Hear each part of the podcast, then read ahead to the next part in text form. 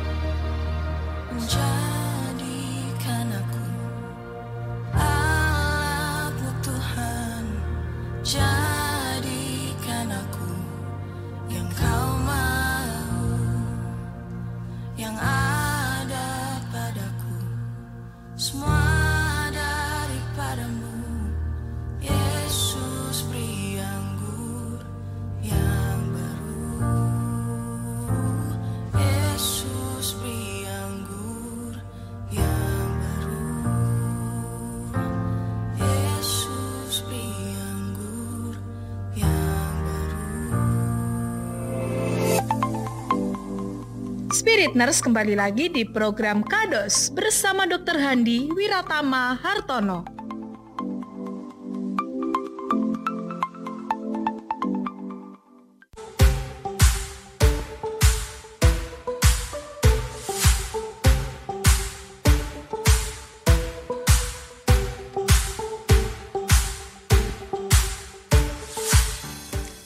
Masih di kata Dokter Spirit dan hari ini bersama Sally Sharon dan juga Dokter Handi ya.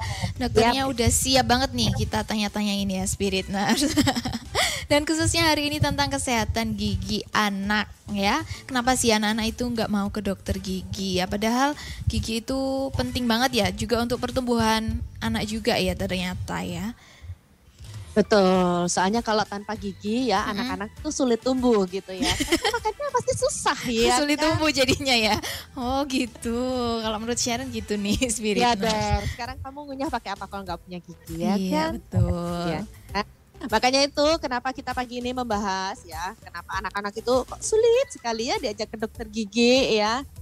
Makanya belum ketemu sama dokter gigi Handi mungkin ya. Iya bisa Kalau ketemu jadi. sama dokter gigi Handi kelihatannya eh, suka deh anaknya ya. Happy gitu. Happy. Soalnya ya, dokter dokter Handi ini kayak eh, apa ya eh, penuh dengan warna, warna-warni gitu ya hari ini. Wah. Bajunya kuning ya kan, backgroundnya udah pink, ada Pink. biru gitu kan. Nah bajunya udah udah warna-warni Warna-warni juga. juga.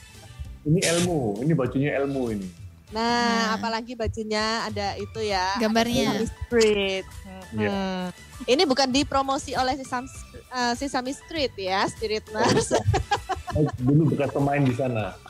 Bukan Oke. samain. Kita langsung aja nih dok. Jadi kenapa sih dok kebanyakan kok anak-anak itu sulit banget diajak ke dokter gigi? Padahal ya untuk yang baru pertama kali ke dokter gigi pun kelihatannya mereka tuh udah kayak tegang sendiri gitu loh Iya. ya nggak sih betul nggak? Meskipun aku belum punya anak ya, tapi keli- kelihatannya tuh seperti itu gitu kalau ngeliat anak-anak ke dokter gigi. Jadi gimana itu dok? Oke.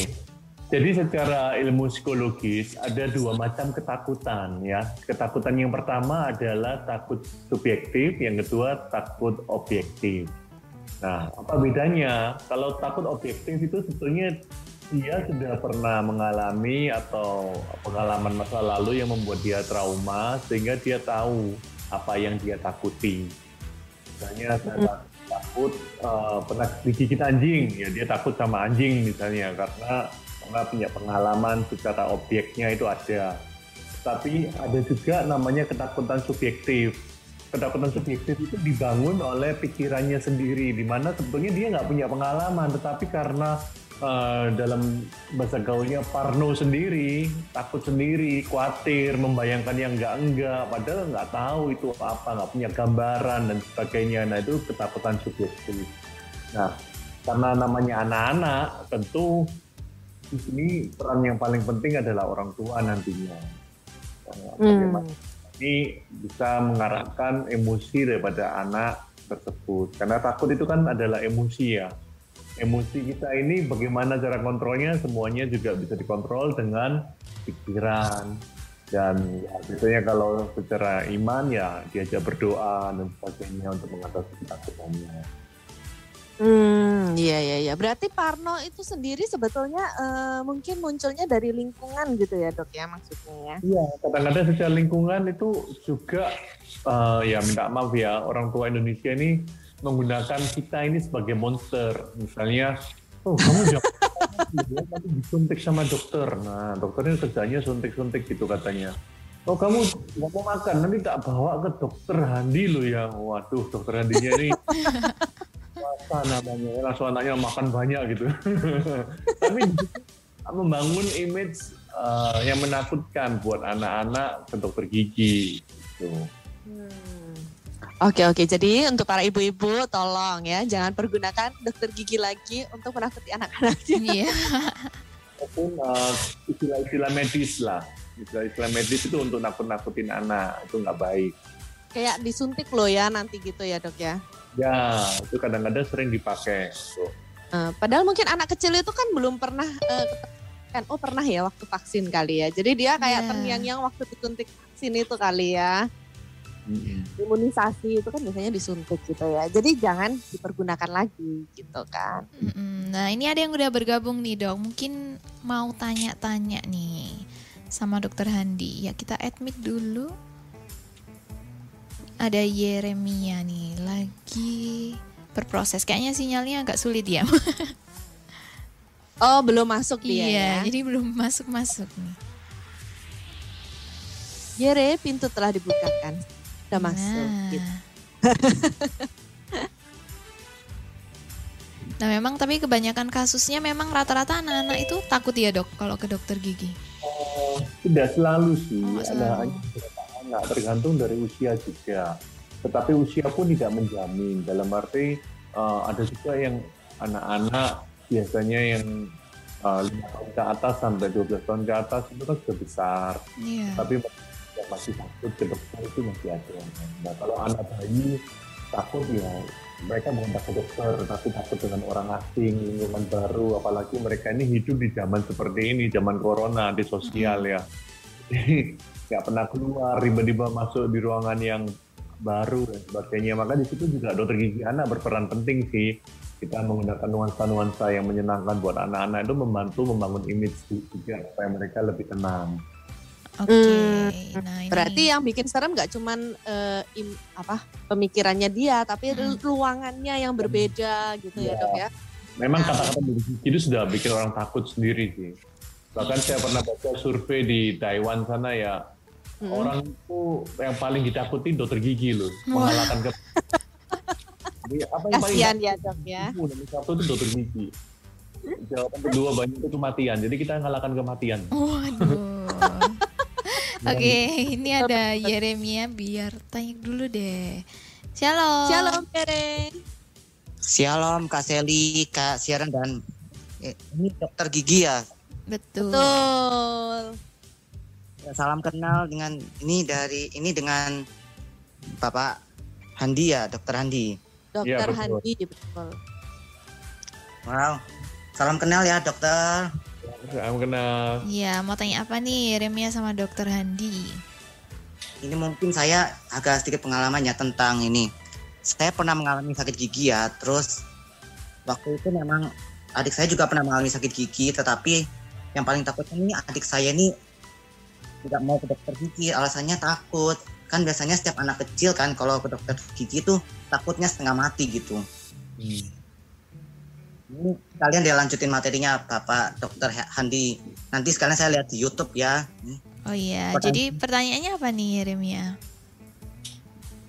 apa yang membuat anak kecil itu tidak mau ke dokter gigi terus bagaimana caranya supaya anak itu mau ke dokter gigi dan bagaimana cara menghibur anak-anak dan pencegahannya supaya anak it- anak itu bisa pergi ke dokter gigi tanpa harus takut atau trauma gitu. Oke, tadi kita udah bahas sedikit ya penyebab anak-anak tidak mau ke dokter gigi ya. Salah satunya karena sering ditakut-takutin dokter gigi gitu. Hmm. Nah nanti untuk pertanyaan pertanyaan yang berikutnya nanti akan dijawab setelah ini ya karena itu memang yang mau saya tanyakan Mire. Iya, betul. Cara bagaimana supaya anak mau pergi ke dokter gigi begitu. Mm-mm. Segmen selanjutnya aja itu. Sekalian Iya. ini Ah, apa, Ya, aja ya. Waktu itu memang saya ke dokter gigi di ke rumah sakit ya. Saya tuh takut waktu dioperasi giginya nih ya, jawab nama gitu. Akhirnya dengan dukungan dari orang tua, dengan dukungan dari adik, jadi saya coba untuk ke dokter gigi gitu, cerita pengalaman dikit. Oh iya. Iya. Ya. Oke. Di segmen berikutnya ya, Iya, saya lihat di YouTube Iya, terima kasih ya Oke, buat Tuhan Yeremia. Tuhan berkati. dulu ya. Oke. Oke, jadi kalau misalnya eh, ngelihat kasusnya Yere tadi ya dok ya, adiknya ini udah sakit gigi, tapi dia tuh nggak berani ke dokter gigi gitu kan, nah itu kan bahaya ya, bahaya Mm. untuk giginya gitu, ya kan, bahaya untuk giginya, bahaya untuk dirinya karena dia pasti eh, kesulitan makan. Kalau namanya sakit gigi itu kan lebih baik sakit gigi daripada eh, lebih baik sakit hati daripada sakit gigi ya kan Iya. orang bilang. Jadi pasti Pengalaman sakit pribadi, kan. Iya, pengalaman Sharon. Nah, makanya itu dok. Ini sekarang mungkin eh, bisa berbagi cara. Eh, tapi sebelum berbagi caranya supaya anak-anak mau pergi ke dokter gigi, kelihatannya kita harus puterin satu pujian dulu deh. Iya, oke. Joy,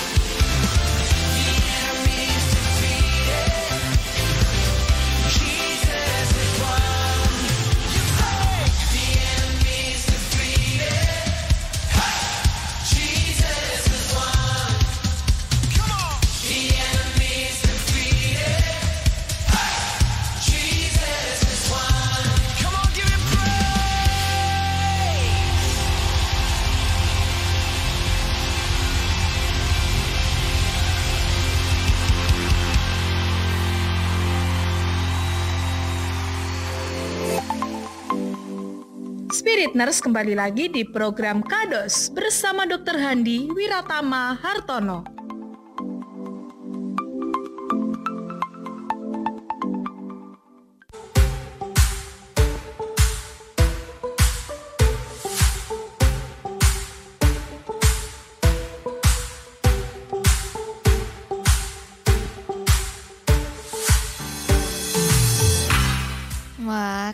Anak-anak tuh biasanya nggak mau ke dokter gigi? Nah, menarik banget ya pasti buat para ibu-ibu yang punya anak-anak atau mungkin spirit nurse yang masih kecil dan merasa takut ke dokter gigi ya.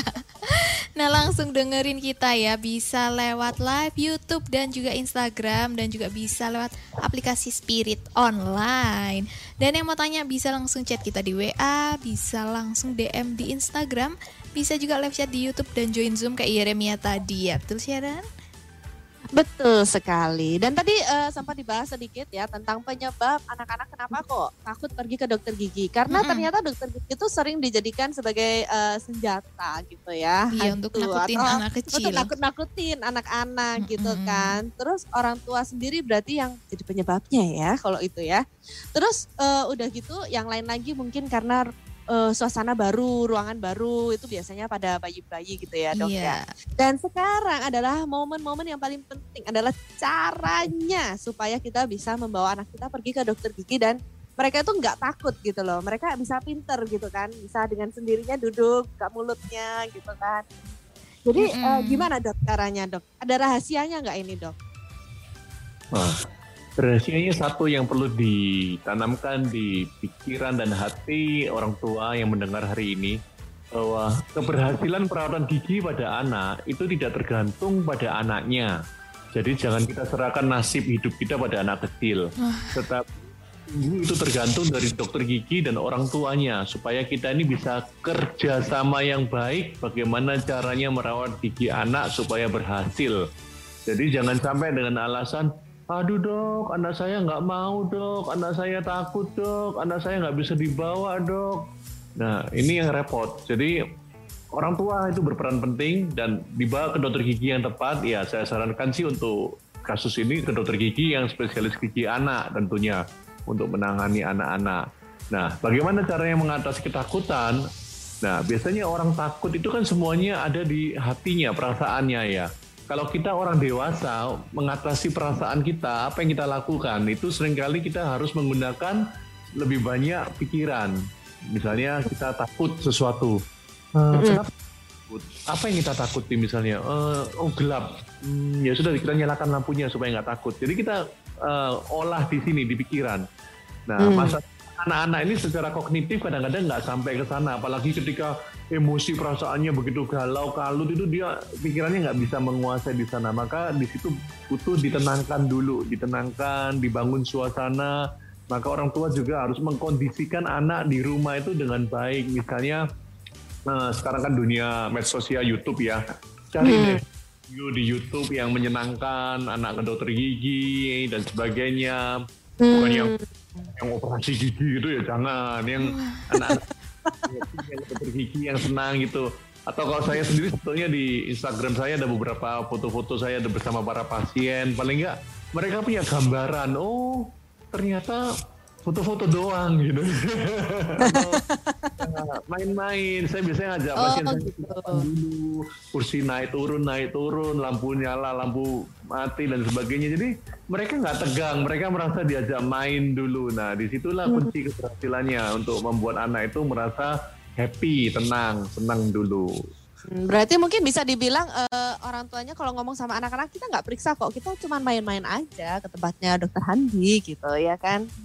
Bisa gitu awalnya ya. Dok? boleh gitu lah nggak main-main aja nanti mau balik gigimu dihitung ada berapa Wah. ada berapa Oh gitu. Nanti dia, kita Oh. sikat gigi. Jadi eh, gunakan bahasa-bahasa yang menyenangkan anak-anak. Kayak saya mau ngebor gigi aja saya nggak bilang, eh gigimu udah bor ya, habis ini ya, siap-siap ya. nah, saya Iya, iya. saya bisa pakai istilah giginya dimandiin dulu ya, karena bor kita kan ada airnya kan. Kamu kalau di rumah mandi pakai apa? Pakai gayung, pakai shower, atau nyemplung? Eh, dia bingung-bingung gitu biasanya. Eh, pakai shower. Ya sekarang kan zamannya shower kebanyakannya. Oh ini loh showernya tapi ya, bornya memang nggak. Eh, ya coba deh kalian kapan-kapan ke tempat saya. Tak, bawa- tak tunjukin dulu kayak gitu ya. Karena itu juga, memang iya. cuma anak yang takut. Orang dewasa juga banyak yang takut sama dokter gigi. Nah itu saya Betul, juga betul. trik untuk mengatasi an- anak takut itu pada orang dewasa yang takut. Dan akhirnya orang dewasa merasa nyaman juga Apalagi kalau udah mulai mau dibor itu dok. Biasanya dengar suaranya aja kan udah ngeri ya. nah Terus apalagi didekatkan ke gigi tuh rasanya kayak bilang tiba-tiba buka mulut di dalam mulutnya nyinyung cus. Kalau usah anak kecil orang dewasa aja juga ngeri nah itu iya makanya iya iya. dulu saya nggak nggak suka sembunyikan alat. Ya biasanya ada orang sembunyi-sembunyi itu langsung sut gitu. Waduh kaget dia. Saya tunjukkan ya ini ini loh ini loh kayak shower. Ini loh ada kepalanya. Ini ada keluar airnya. Saya tunjukkan ke dia. Nah itu Betul betul betul. aman dulu. Berarti orang Iya. tua harus tahu dulu, maksudnya eh, PDKT dulu lah ya dok ya sama anaknya gitu, Ya, supaya anaknya mempersiapkan. mau. Nah, masalahnya yang jadi problem itu eh ya ya ini yang di Indonesia ya. Kalau nggak sakit nggak cari dokter gitu ya. Akhirnya eh butuhnya ke dokter gigi udah kesakitan banget. Jadi nggak bisa terlalu banyak have fun gitu ya. Karena kondisinya dia sendiri udah moodnya jelek udah kesakitan dan sebagainya. Iya, betul. Betul betul betul betul. Nah, Dok ini ada yang Jadi- tanya juga nih, Dok. Ya. Di Instagram tapi kurang lengkap ya Spirit Nurse yang mau tanya bisa pakai format nama spasi umur spasi L atau P. Ini ada namanya aja tapi umurnya nggak ada. Ini dari Yetik. Katanya gigi anak saya baru tumbuh hampir bersamaan dan miring-miring. Bagaimana dok? Apa bisa lurus rapi dengan sendirinya? Terima kasih dok. Ya memang sayang usianya nggak dicantumkan ya Mm-mm. Jadi yang baru tumbuh ini kan ada dua macam, baru tumbuh gigi susu atau baru tumbuh gigi permanen. Ya sudah saya jawab dua-dua lah. Kalau baru tumbuh gigi susu eh, biasanya nggak terlalu kita perhatikan kerapiannya karena pada umumnya ya paling renggang-renggang gitu aja dan itu adalah normal kalau gigi susu itu renggang-renggang. Nah kalau gigi permanen tidak rapi itu biasanya karena zaman now makanan yang terlalu lem- eh, lunak-lunak akhirnya rahangnya ini tidak berkembang dengan baik sehingga sempit rahangnya sempit giginya jadi. Oh, Nah itu yang membuat giginya maju mundur.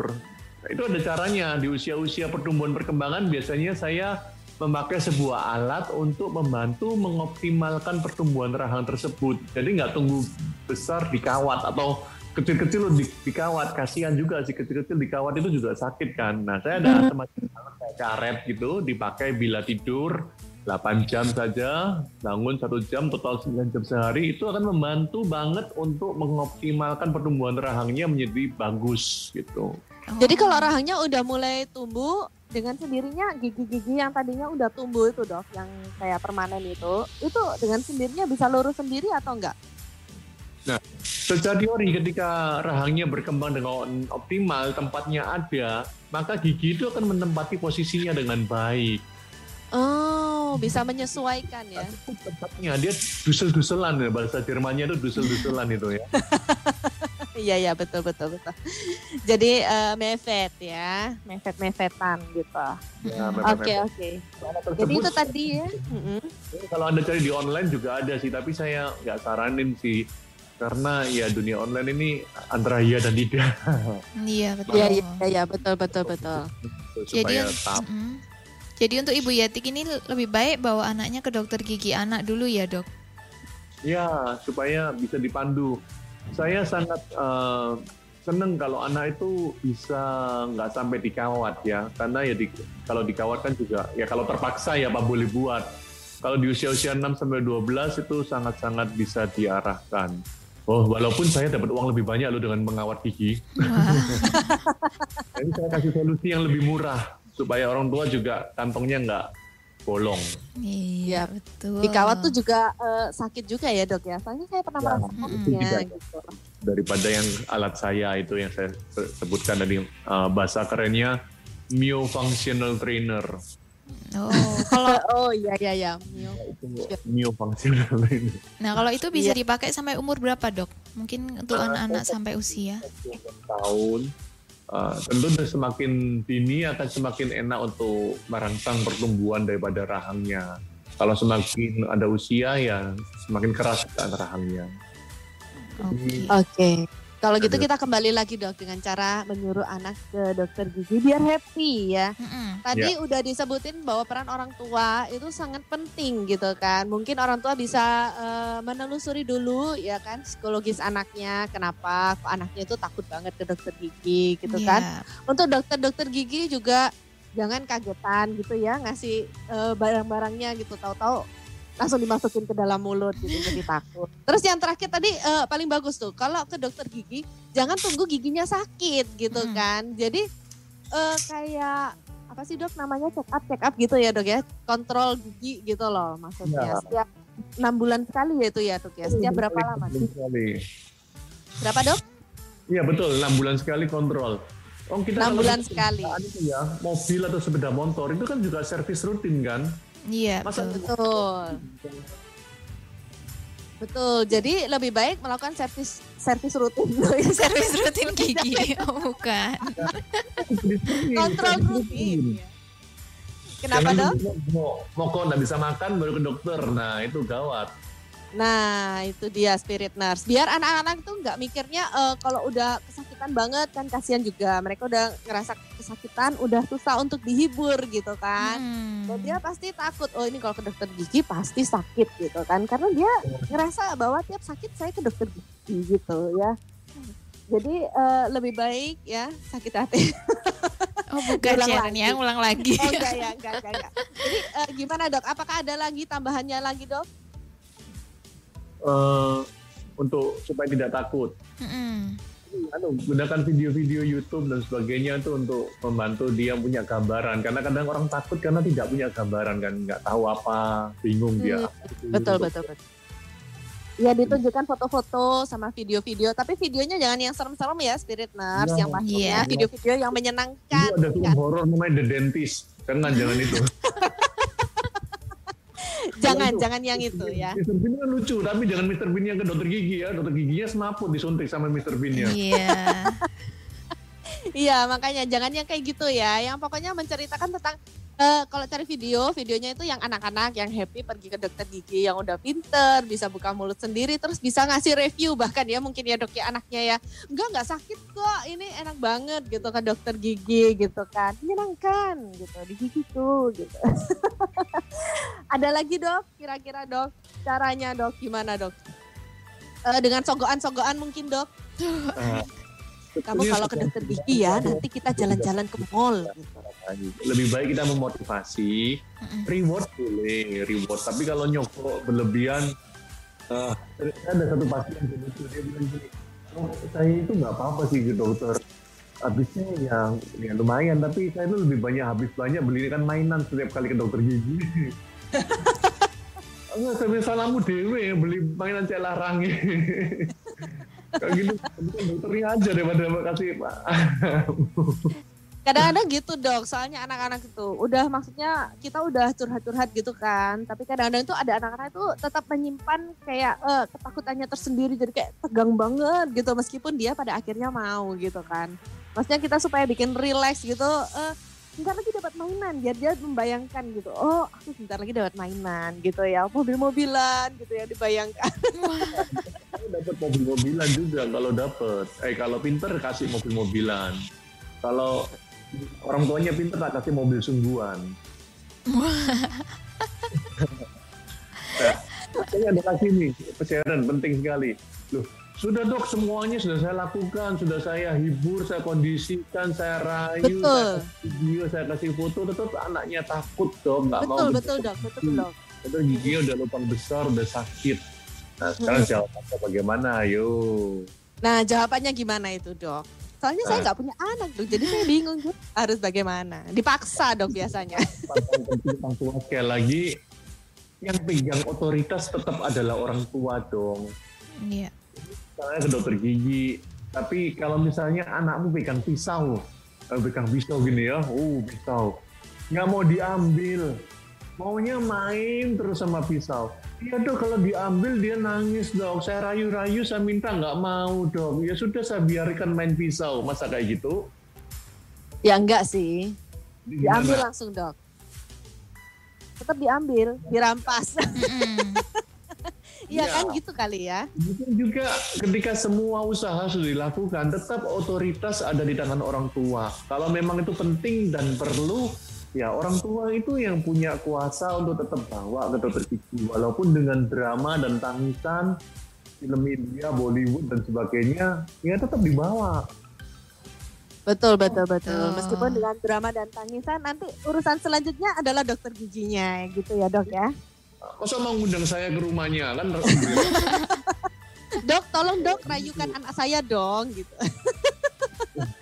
Iya, karena kesehatan Ya, gigi ini ternyata juga penting untuk eh, tumbuh kembang anak ke depannya gitu ya, Dok ya. Betul. Jadi penting banget bawa anak ke dokter gigi. Nah, sebelum kita lanjutin Nah. lagi nih pembahasannya, kita akan break dulu dengan satu pujian berikut ini.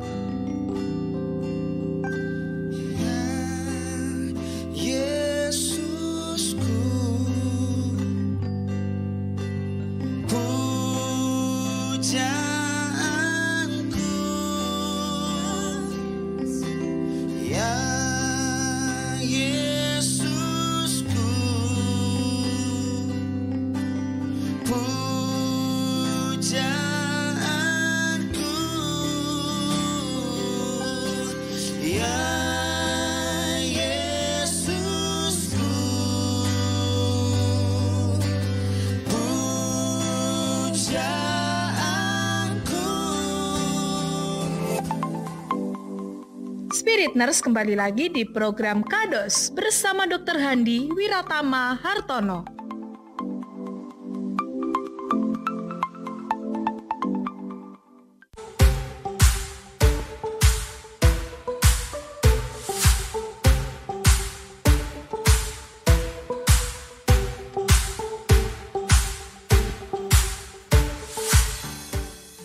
Karena waktunya tinggal sedikit lagi ya, jadi kita langsung ngebahas nih dok, dok pengaruhnya ya gigi terhadap tumbuh kembang anak ini. Jadi kenapa kok kita penting banget eh, harus memeriksakan anak kita kayak kontrol rutin itu ya, melakukan pemeriksaan-pemeriksaan. Kalau anak nggak mau ke dokter gigi itu harus dipaksa gitu kan. Itu pentingnya apa dok? Apakah eh, memang berpengaruh sama tumbuh kembang mereka atau enggak gitu dok? Oh iya tentu sangat-sangat penting dan berpengaruh pada tumbuh kembang anak. Saya sering kali merawat gigi anak yang rusak banget gitu ya. Susah makan dan sebagainya. Atau bahkan orang tua tidak sadar kenapa anakku ini kurus kecil dan sebagainya.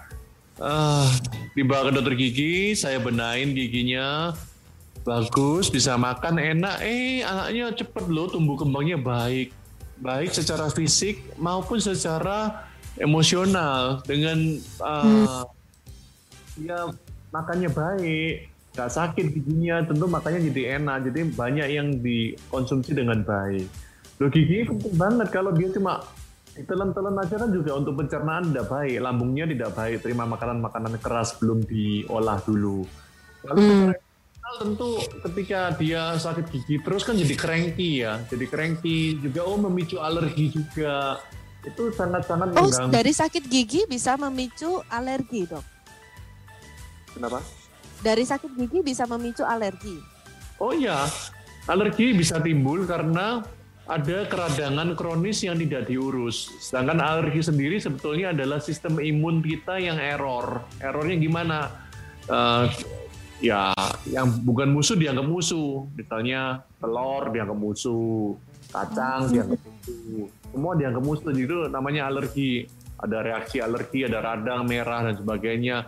Nah, ketika ada keradangan kronis yang tidak dirawat dengan baik, akhirnya sistem imunnya error, kebiasaan merespon berlebihan, jadi alerginya pun meningkat. Oh begitu. Jadi yang sebelumnya mungkin nggak makan telur nggak apa-apa. Sekarang kok makan telur alergi. Berarti kemungkinan dari giginya juga bisa gitu ya dok ya. Karena giginya mengalami peradangan tadi itu ya. Saluran pernafasan, sering batuk pilek, batuk pilek gitu. Ternyata eh, alerginya bukan karena apa, giginya rusak semua. Jadi Oh. banyak eh, keradangan di situ. Itu yang membuat akhirnya dia sesak nafas, meler kayak gitu. Jadi akibatnya ke sana bukan kayak tiba-tiba alergi kacang, alergi coklat, enggak sih. Biasanya ke, ke arah Hmm. Jadi alergi eh, alergi apa peradangan dari gigi itu bisa menyebar ke bagian-bagian lain dari tubuh begitu ya dok ya. ya memicu, Akhirnya memicu keradangan lainnya. Dan Hmm. Uh, tentu salah satunya misalnya gini, pasien-pasien yang punya kelainan jantung ya, operasi mau operasi jantung, bypass dan sebagainya, tentu akan dikirim ke dokter gigi untuk memeriksakan giginya supaya tidak ada uh, portal entry infectionnya. Jadi nah, artinya apa? Dokter jantung pun takut dari gigi bisa infeksi ke jantung kayak gitu. Oh. Kalau ya, kalau Anda sehat-sehat saja, nggak ada kelainan jantung ya tidak sampai separah itu. Tetapi artinya kan bisa masuk kuman bakteri dari sana kan. Ya, gitu. Iya iya iya betul. Untung baru memperhatikan giginya kan yang kan enggak. Jadi terus eh, pengaruhnya apa lagi nih dok sama tubuh kembang anak? Nah, tadi tumbuh kembang secara fisik ya, lalu secara emosional, akhirnya anak-anak itu kalau giginya rusak semua itu jadi nggak pede, jadi suka marah dan sebagainya. Itu sangat pengaruh banget untuk pertumbuhan dan perkembangan emosi daripada anak-anak. Iya iya betul. Kalau eh, ngelihat anak-anak itu memang kebanyakan ya dok ya giginya itu eh, apa sih bahasa Jermannya itu grupis grupis gitu. gripis gripis gripis Oh, grupis. Banyak yang seperti itu dok anak-anak itu ya dok ya. Sekali kadang-kadang karena pola makannya juga tidak tepat. Misalnya minum susu waktu tidur, itu yang paling jahat sih, minum susu waktu tidur. Bahkan ASI ternyata juga masih bisa bikin gigi gigis, walaupun ASI tidak sejahat susu formula.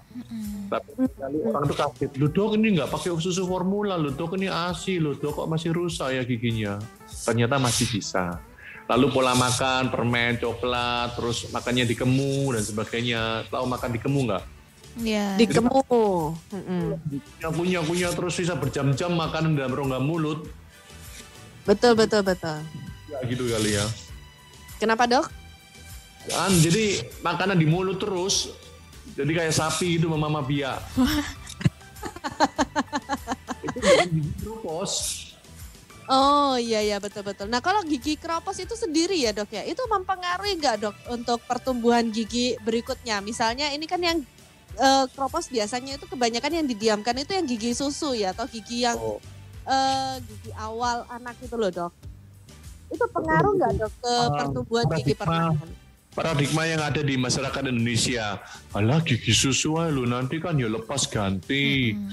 Gak apa-apa. Betul sekali. Eh, nggak usah dirawat, eman-eman duitnya. Nah, ya gini ya, firman Tuhan itu benar loh. Semua itu indah pada waktunya. Ya kan? Kalau tidak pada waktunya sudah lepas, rusak, itu sungguh tidak indah. Nggak indah. Jadi, waktunya kayak Graham-Graham itu usia 9, 10, 11 tahun baru ganti. Nah, kebanyakan usia 3, 4 tahun, 5 tahun udah rusak, udah bolong, udah gigis. Nah kan tidak pada waktunya. Tidak indah, bikin Oh, iya. sakit, berita. Sungguh firman Tuhan itu ya dan amin loh itu sungguh aplikatif sekali pada kehidupan sehari-hari. Jadi kita eh, juga termasuk peran kita juga ya untuk menjaga keindahannya ya, untuk tetap pada waktunya itu tetap indah begitu ya dok ya. Nah, tetap pada waktunya. Pengkhotbah 3 ayat 11 itu. Oke oke. Kalau Oke. gitu kita langsung masuk kesimpulan aja dok, karena waktunya udah nggak banyak ya. Oke, kesimpulan. Kesimpulannya yang paling penting tadi rahasianya sekali lagi adalah keberhasilan perawatan gigi pada anak tidak tergantung pada anaknya, tetapi pada orang tua dan dokter giginya. Oleh karena itu saya berharap orang tua itu tetap semangat untuk memotivasi, mengedukasi anak-anaknya. Bahkan Anda punya hak otoritas untuk pada akhirnya memaksa anaknya ke dokter gigi. Ya, kalau anak-anak kecil Anda nggak bisa mengarahkan, kalau tunggu dewasa remaja lebih repot, angel kandanane. Iya. Ini mestinya masih dalam otoritasnya kalian orang tua, orang tua. Jangan takut, jangan menyerah, tetap bawa ke dokter gigi yang tepat, dokter gigi anak yang bisa mengkondisikan semuanya uh, buat anak-anak itu secara ramah dan menyenangkan. Begitu. Oke. Iya. Betul Nah. sekali. Kalian Hmm. mungkin bisa mencoba salah satunya dengan pergi ke dokter gigi Handi ya, supaya Betul. anaknya bisa diajak main-main, dikasih edukasi juga ya kan tentang peralatan dokter gigi. Jangan-jangan nanti anaknya setelah dari dokter Handi nanti langsung gini, aku besok cita-citanya mau jadi dokter, Dokter gigi Ya ya kan? betul. Jadi bisa ke mana nih Sel kalau mau ngubungin dokter Handi? Iya, yang mau kontrolin anaknya langsung ya ke dokter Handi itu bisa di Dentalen Clinic. Ada di Surabaya Timur juga di Surabaya Barat ya. Ruko HR Muhammad Square C2 atau di Kertajaya Indah Timur 1131. Oke, nah itu untuk jam prakteknya mungkin dari jam berapa dok? Klinik kami itu buka dari jam 9 sampai jam 9 sih, Senin sampai Jumat. Yang Sabtunya itu jam 9 sampai jam 5. Minggunya jam 10 sampai jam 3. Tim saya ada 20 dokter. Memang nggak semua dokter gigi anak, tapi kalau di Dentalen yang klinik gigi anak ini, semua dokter giginya pasti sangat ramah dan nyaman untuk anak-anak. Ruangannya, ruang tunggunya, ruang prakteknya itu menyenangkan sih buat anak-anak. Hmm. Wah, itu jadi membuat anak nggak takut lagi pastinya ya untuk kontrol ke dokter gigi. Minta kok, dok, anakku kok keenaan saya juga ya, gitu. Wah. Saya namanya ngakunya gitu akhirnya. Iya, berarti nggak hanya untuk anak-anak aja nih ya dok yang bisa kontrol, juga orang tuanya dan semua keluarganya mungkin bisa bareng-bareng. Kampung dulu di kampung. Satu kampung, betul betul betul. Oh, betul. Satu wilayah juga boleh ya diajakin semua pergi ke sana. Oke, thank you eh, untuk Dokter Handi yang udah berbagi sama kita pagi hari ini. Terima kasih dok. Ya, terima kasih dok. Sharing. Ya, untuk tips untuk tips-tipsnya ya, biar anak-anak mau berobat ke dokter gigi. Jadi buat spirit nurse semuanya ya, kalian udah tahu apa yang harus kalian lakukan sebagai orang tua ya kan. Iya. Jadi gimana caranya? Mungkin kalau sebelum eh, pergi ke dokter gigi jangan waktu hari ini gitu ditunjukin videonya. Mungkin videonya bisa dicicil ya dari mungkin seminggu sebelum ke dokter gigi gitu kan kontrolnya. Kalian tunjuk-tunjukin, kalian coba semua tips-tipsnya dokter Handi. Kalau tidak berhasil ya kalian bisa datengin langsung dokter Handi. Iya betul. Atau mungkin spiritnya yang ketinggalan siaran kita ya bisa langsung ditonton lagi nih YouTube-nya di Spirit Online. Betul banget. Nanti di Spirit Online kalian bisa eh, langsung ngelink nih ya, mau ke YouTube, bisa diputar ulang lagi gitu ya. Oke Spirit Nurse, thank you juga yang udah gabung. Thank you Sally yang udah menemani Iya, terima kasih Sharon. Juga thank you buat yang udah bertanya ya. Dan thank you juga yang udah mendengarkan aja ya. Semoga tips pagi ini sangat bermanfaat untuk kalian ya supaya kalian bisa mengajak eh, anak-anak kalian pergi ke dokter gigi dengan menyenangkan dengan senang hati gitu ya. Iya. Oke Spirit Nurse, tanpa memperpanjang waktunya ya udah habis ya. Saya Sharon. Dan Sally. Kita mau undur diri dulu ya. Sampai jumpa minggu depan di kata dokter Spirit berikutnya. Ya, bye bye. Tuhan Yesus memberkati. Thank you.